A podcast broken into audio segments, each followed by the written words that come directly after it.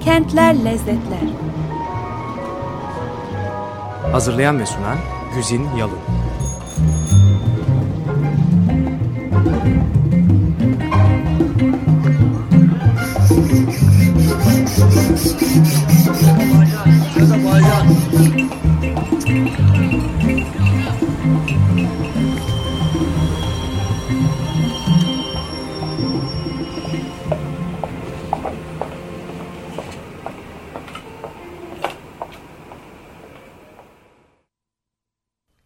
Desteği için Açık Radyo dinleyicisi Ayşe Saza'ya teşekkür ederiz.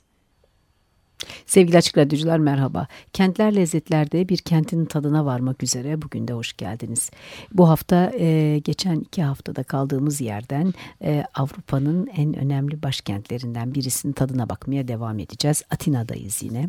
Atina işte sadece Yunanistan'ın e, başkenti değil aynı zamanda da e, dünyanın pek çok e, uygarlık diye bildiği kavramının da ana yurdu. Ee, özellikle de Avrupa kıtasının e, o dönem bilinen kentlerinin e, en çok da e, bugünkü anlamıyla e, tarihinin ve uygarlığının e, sanki anası, sanki bütün benzetmeleri, e, ilham almaları, alegorileri e, o dönem klasik Yunan uygarlığı döneminde Atina kentinde oluşmuş olan e, uygarlığın etrafında dönüyor. Bu yüzden de Atina'nın lezzetlerini sadece yeme içme lezzetleriyle e, kısıtlamak aşağı yukarı imkansız. Ama bu zaten pek çok büyük kentteki durum. Bizde Atina'nın e, geçmişteki yeme içme e, lezzetlerine bakarak başladık işe. Ama düşünün ki Atina gerçekten de dünyanın en eski kentlerinden birisi. Hani yazılı tarihi neredeyse 3500 yılı falan buluyor. İşte klasik Atina zaten biliyorsunuz çok güçlü bir kent devleti. O dönem Yunan uygarlığındaki e, görülen model üzerine kurulmuş kent devletleri var. Bu kent devletleri böyle yayılımcı, savaşçı bir yerlere yerleşme peşinde devletler değil. Kendi içlerinde belli bir uygarlık kurup e, yaşama peşindeler. Hani barışçıl mı bilmiyorum.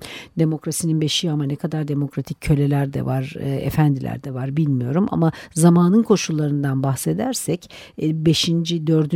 yani milattan önce 5. ve 4. yüzyıllardan söz ediyoruz. Dolayısıyla da o dönemde tabii ki e, kendi kavramı çevresinde ve o dönem e, dünyasının içindeki e, bulunduğu noktada kendi e, gelişme kavramı çok hat safhaya ulaşmış bir kent. Çünkü e, fazla bir yayılımcı politikası olmayınca tabii kendi içinde yaptıklarına yönelmiş ve sanata ve işte sosyal yaşama ve işte toplumsal gelişmeye falan çok daha fazla kafa yorabilmiş bir topluluk. Felsefenin beşiği sayılıyor yani öğrenmenin ve felsefenin sadece sanatın da değil.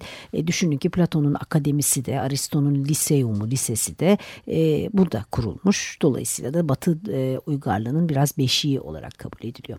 Böyle olunca da tabii ki e, hani ta, bakalım tadlarına dediğimiz zaman iki haftaya sığmadık. Üçüncü haftaya tabii ki sarktık. Çünkü Atina'nın daha henüz tarihinden doğru dürüst bahsetmedik bile. E, antik Yunan uygarlığının ve klasik Atina kentinin yeme içme adetlerinden bahsetmeyi sadece belli bir noktaya getirebildik. E nerede kaldı ki bugünün Atina'sında yiyip içip nelerden tad alabiliriz'e bakmak. Dolayısıyla bu hafta yine Atina'dayız. Bakalım bugün yol bizi nereye götürür? Bakalım haftaya başka bir kente mi ulaşırız yoksa yine Atina'da mı kalırız? Bu haftaki programın sonunda göreceğiz.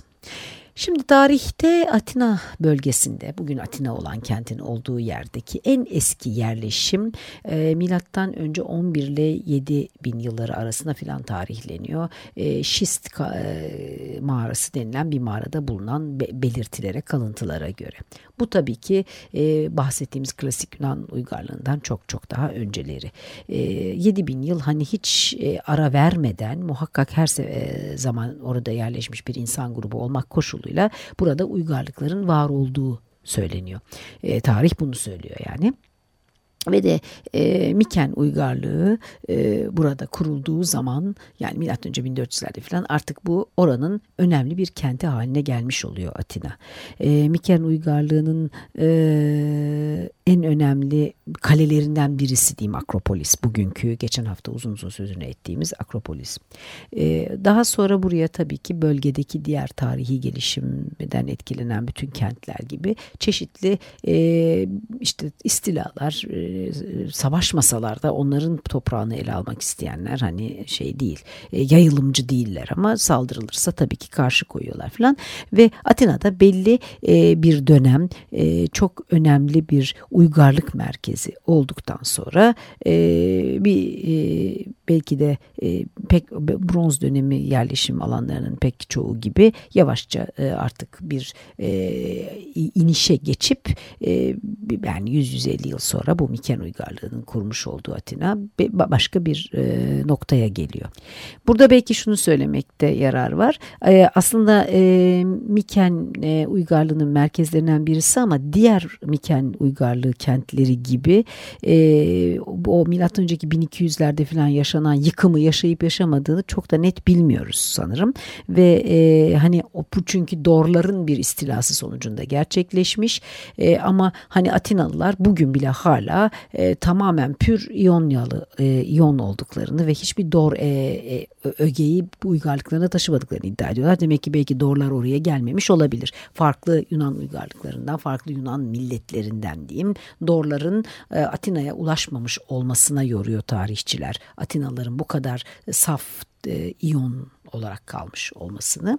Her halükarda milattan önce 6. yüzyılda e, Atina'nın yaşamakta olduğu o karmaşayı Solon'un reformları şekle sokuyor ve bunlar zaten daha sonra demokrasi dediğimiz hani ilk en eski uygarlığından bahsettikten sonra Atina'nın bulunduğu yerde kurulan e, kentin ve onun uygarlığının e, bugünün demokrasinin beşiği kabul edilen Atina uygarlığına doğru biraz getirirsek işte Solon'un oluşturduğu kurallar e, Atina'nın girdiği o e, inişe geçti dediğim dönemden sonra girdiği içine girdiği karmaşayı Solon bir takım kurallarıyla kanunlarıyla şekle sokuyor ve bu da bugünkü demokrasinin demokratik kuralların ilk tohumunu atmış oluyor. Onun beşiğini oluşturan işte bu.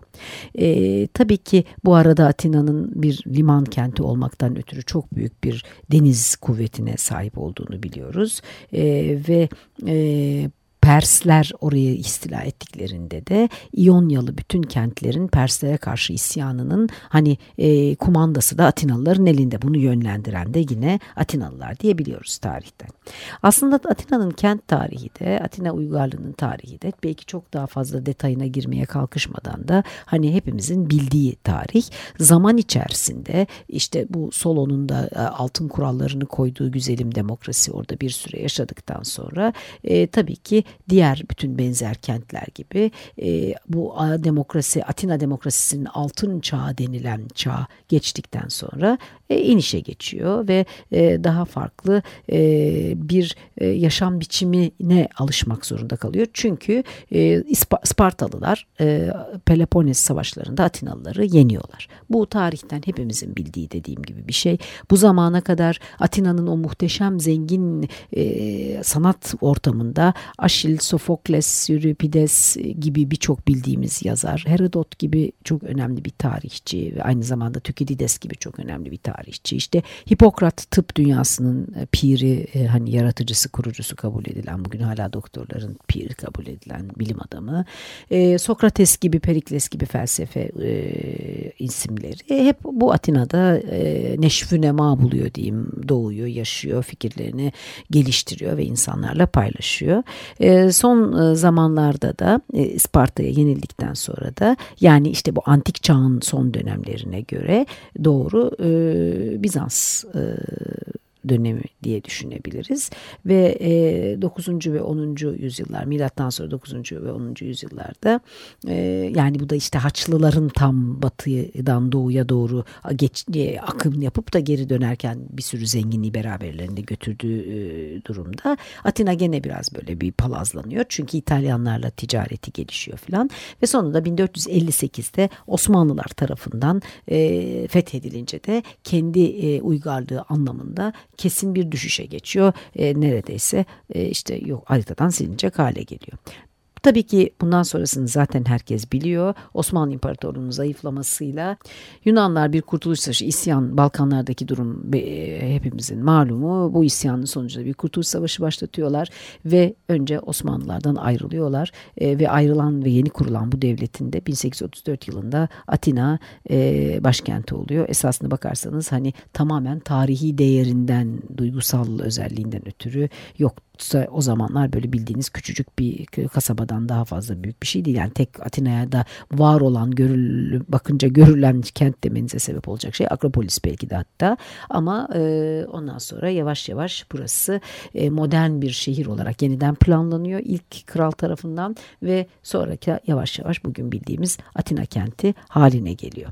Şimdi daha da uzun tabii birçok şeyler anlatılabilir. Ondan sonra biliyorsunuz e, arkadan e, Anadolu'yu Yunanlar e, istila ediyorlar ve Türk-Yunan Savaşı 1919 ile 1922 arasında e, gerçekleşiyor. Bunun sonucundan ötürü de buradan oraya giden Türk Anadolulu Rumların da karışması, katılmasıyla Atina'nın nüfusu çok fazla büyüyor ve sadece nüfusunun büyümesi değil ama kültürü de çok fazla değişik boyut ve öge kazanıyor. Buradan giden kültürü de beraberinde tabii ki gidenler götürdüğü için kentin içine katmış oluyorlar ve Atina çok daha fazla bugün bildiğimiz haliyle dünya kenti diyebileceğimiz bir hale geliyor. Kısaca tarihi Mikenlerden ta Osmanlı uygarlığına kadar işte e, sapına kadar İyon yalılığını muhafaza etmiş bir e, uygarlık beşiği, güzelim e, medeniyet beldesi olarak böyle.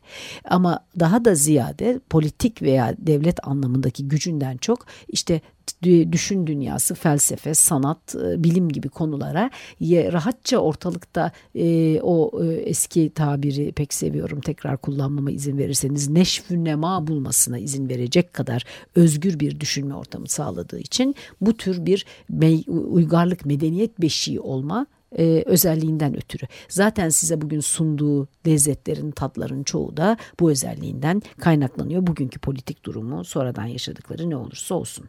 Şimdi Yunanistan'ın tarihine daha fazla uğraşmamızın alemi yok. Çünkü biz Atina ile ilgileniyoruz. Atina o gün bugündür. Bahsettiğimiz şekilde, bahsettiğimiz özellikte bir dünya kenti ve Yunanistan'ın başkenti. Geçen hafta bahsettiğim bölgelerine ilaveten de sürekli tabii ki e, gelişen ve e, güzelleşen ve özellikle de gençlik ve sanat ve dünya ile iletişim anlamında e, önem kazanan mahalleleri, bölgeleri de oluşuyor. Mesela Psiri ve Gazi denilen iki e, mahalleden geçen hafta bahsetmedim. Çok da yeni değil bunlar ama o zaman kurulduğu zamanki Atina'da söz konusu olmayan mahalleler tabii ki sonradan yapılmış mahalleler. İşte 1960'lara kadar falan hatta e, gelişimleri sürmüş. Çünkü geçen hafta sözünü ettiğim hatta size bir parçasını dinlettiğim mesela Rebetiko'yu çalıp söyleyenler yani Anadolu'dan göçüp gitmiş olanların yerleştiği mahalle bunlar. Daha fakir mahalleler işte daha biraz daha böyle e, e, son yıllarda moda haline gelince şehrin e, eğlence gece çıkmaları için gece hayatı için çok neşeli noktaları haline gelse de başlangıçta göçmen mahalleleri 1960'lara kadar filan da Rebetiko'yu orada dinlemek hani sokaklarda dinlemek, herkesin çalıp söylediği bir müzik olarak dinlemek mümkün. Bugün artık sadece benim geçen hafta da size dinlettiğim gibi özel kulüplerde bulunuyor.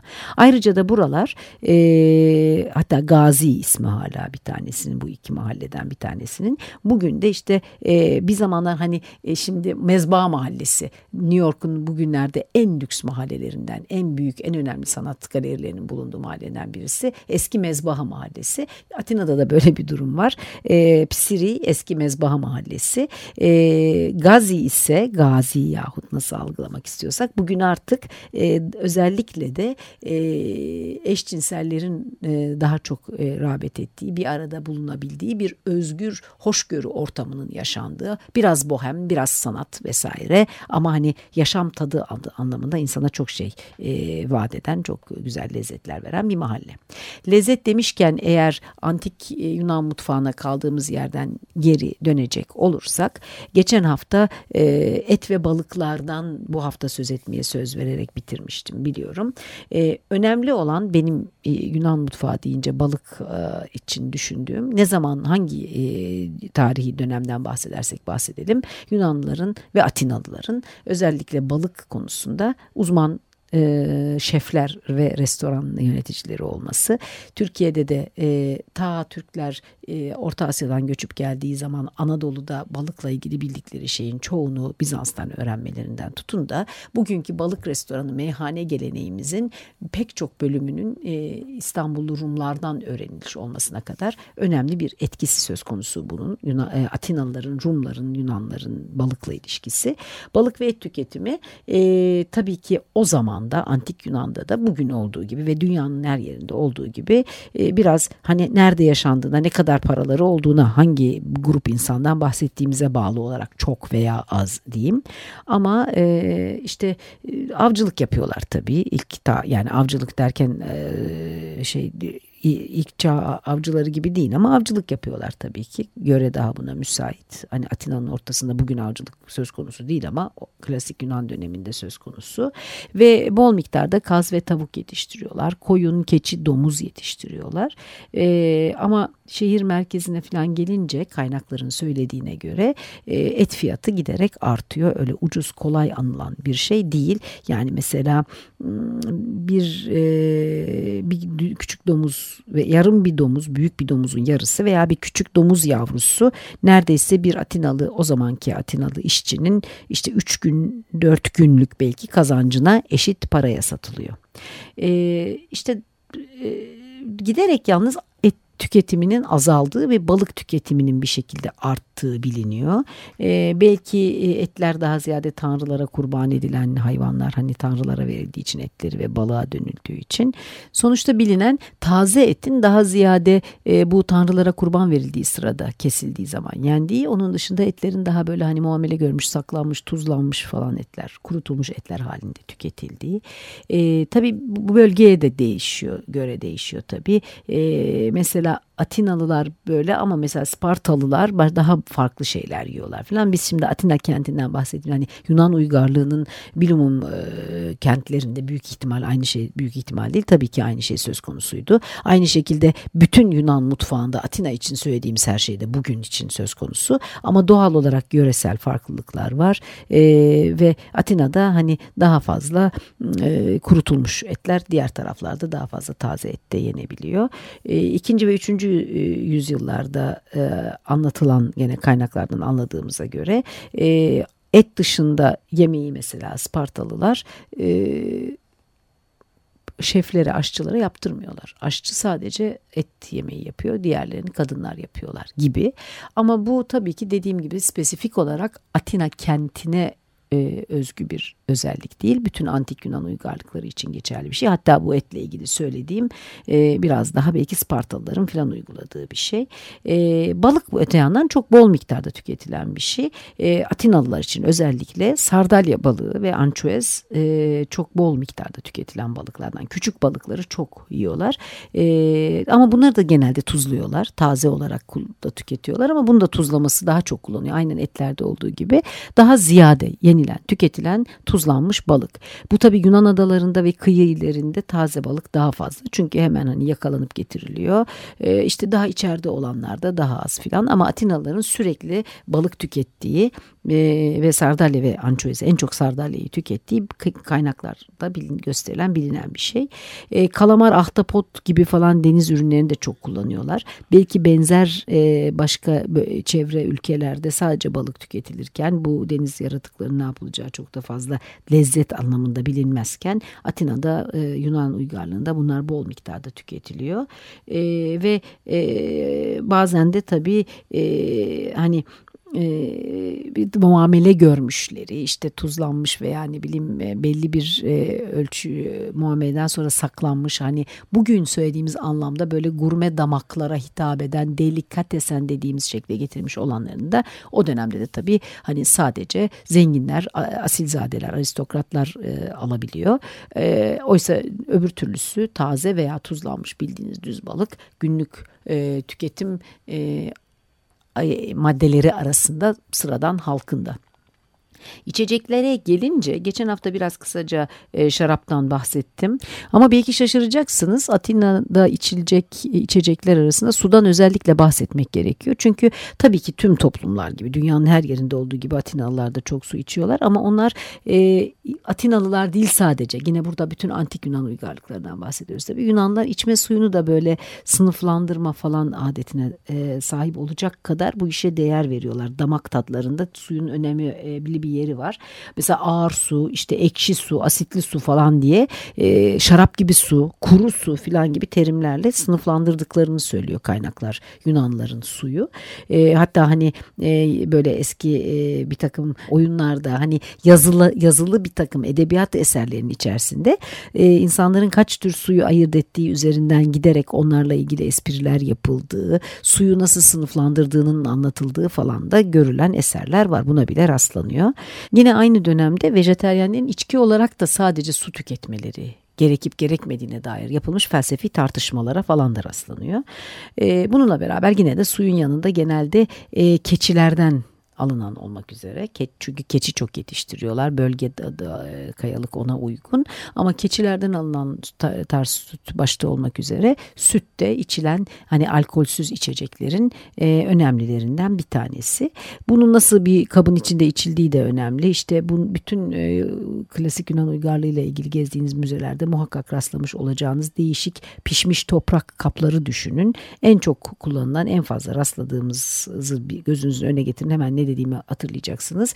Böyle çok derin bir tas değil aslında. Bizim bugün bardaklarımız çok daha derin e, veya çorba kaselerimiz ve hafif sığ gibi ama ayaklı bir kap var hatırlayacaksanız. Genelde dört ayaklı e, ve o ayaklar böyle hafif eğrice e, sığ bir kasenin ayaklı hali gibi falan bir şey. Bununla içiliyor özellikle ziyafet sofralarında. Şaraba tekrar gelecek olursak e, şarap yapmayı tabii ki e, biliyorlar. Yani hani kırmızı şarap, beyaz şarap her türlü roze şarap yapıyorlar. E, ve e, birçok şarap e, üretimi kriterini ve özelliğini de bilerek kullanıyorlar e, bugünkü e, anlayışımıza göre öyle sayılabilecek kriterleri çok bilerek kullanıyorlar. Ee, yani çok tabii ki yine de bugün içtiğimiz şarapla aynı tadda olduğu söylenemez ama e, benzer bir kalite anlayışı içerisinde oldukları anlaşılıyor. Bazı e, şimdi burada yine tabii antik Yunan uygarlığından genelde bahsediyoruz. Hani sadece Atina'dan çok öyle özel olarak bahsetmek çok mümkün değil. Ama e, öyle bakacak olunca da bazı adaların daha iyi şarap yaptığı kabul ediliyor. Limni adası, Sakız adası falan neyse. Daha sonra da Girit adasındaki şaraplar öne çıkıyor ve aslında doğrusunu isterseniz bu bugün bile sürüyor. Girit'te çok gerçekten bütün Yunan e, sınırları içerisinde en güzel, en lezzetli şaraplardan bazıları hala Girit'te yapılıyor. Şarap yapmak için e, ezilmiş üzümlerin posasının e, suyla karıştırmasıyla elde edilen bir ikinci kalite yaratmışlar. Hani bu da e, mayalandırılıcı atıyorlar içine falan köylü kesim içiyor. Bir daha geçen programda söylemiştim sempozyumlarda falan sulandırmadan içmek şarabı ayıp bile sayılıyor. O şarap öyle koyu kıvam anlamda bir şey. Hatta yüksek dağlarda filan bu şarabı öyle içenlere barbarlar deniyor. Öyle bir kuzeydeki barbarlar diyor ve yani onlar sadece e, sulandırmadan olduğu gibi böyle kıvamlı boza kıvamında bir şey, şey üzüm posasıyla birlikte tüketiyorlar. Bu da onların e, aklını kaçırmalarına sebep olduğu delirtici bir özellikler taşıdığına filan inanılıyor. Ama onun dışında da bu halkın e, üreticilerin kendileri içmek için yaptığı ikinci sınıf ikinci kez ezilen işte ucuz şaraptan ayrı düşünecek olursak e, şaraplar dediğim gibi bugünküyle tıpatıp aynı yöntemle olmasa bile en azından benzer kalite arayışı içerisinde farklı e, tatlar kazandırılarak filan e, üretiliyor. E, mesela içine bal katarak tadlandırıyorlar. Mesela şeker hiçbir zaman kullanmıyor. Bal koyuyorlar. Kekik, yarpuz vesaire hani böyle e, bazen nane neyse otlardan belli bir koku katması, e, tat katmasını bekliyorlar. Milattan sonraki e, yüzyılda falan da yani daha milattan önce belki daha fazla bal söz konusu da milattan sonra da çam reçinesi kullanılıyor. Hatta biliyorsunuz bu çam reçinesi kullanılarak yapılmış olan şarap hala Atina'da ara sokaklarda ayaküstü e, böyle yüksek tabure biçimindeki kokteyl masası gibi masaların üstünde kızarmış balıkla birlikte içebileceğiniz ucuz beyaz şarap. E, onun atası işte hala öyle çam reçineli şarabı Atina'da bulmak ve tadına eğer varacağınızı düşündüğünüz bir şeyse çok hani matah bir şarap değil ama tabii çok özellikli mümkün. E, bugünkü programda Atina gene bitmedi. Klasik Yunan'a daldık. Biraz Atina'dan uzaklaşıp başka e, Yunan uygarlıklarının bilgilerini kattık falan haksızlık olmasın. Atina'ya haftaya devam edelim. Ama bu haftaki programı belki de Yunan uygarlığı, Yunan e, uygarlığından Atina'dan alınacak lezzetler deyince herkesin aklına ilk gelen müzik parçalarından birisi olan bir parçayla bitirelim. E, Zorba'nın dansını dinleyelim hep birlikte. Haftaya tekrar buluşuncaya dek yaşamınızın tüm boyutlarına her zaman olduğu gibi bugün de bolluk, bereket ve lezzet diliyorum. Hoşçakalın. Kentler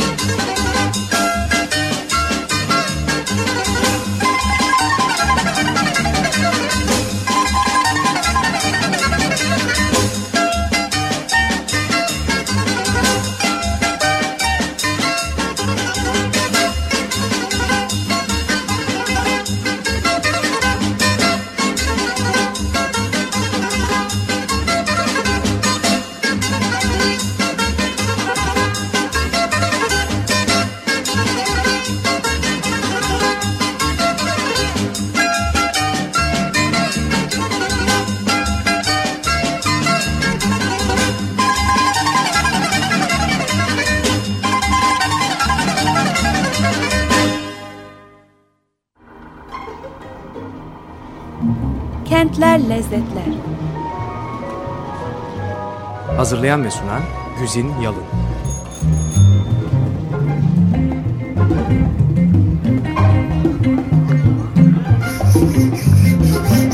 Azerbaycan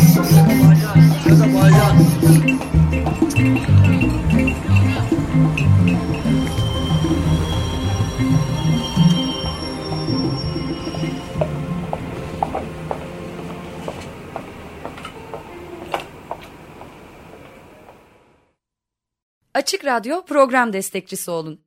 Bir veya daha fazla programa destek olmak için 212 alan koduyla 343 41 41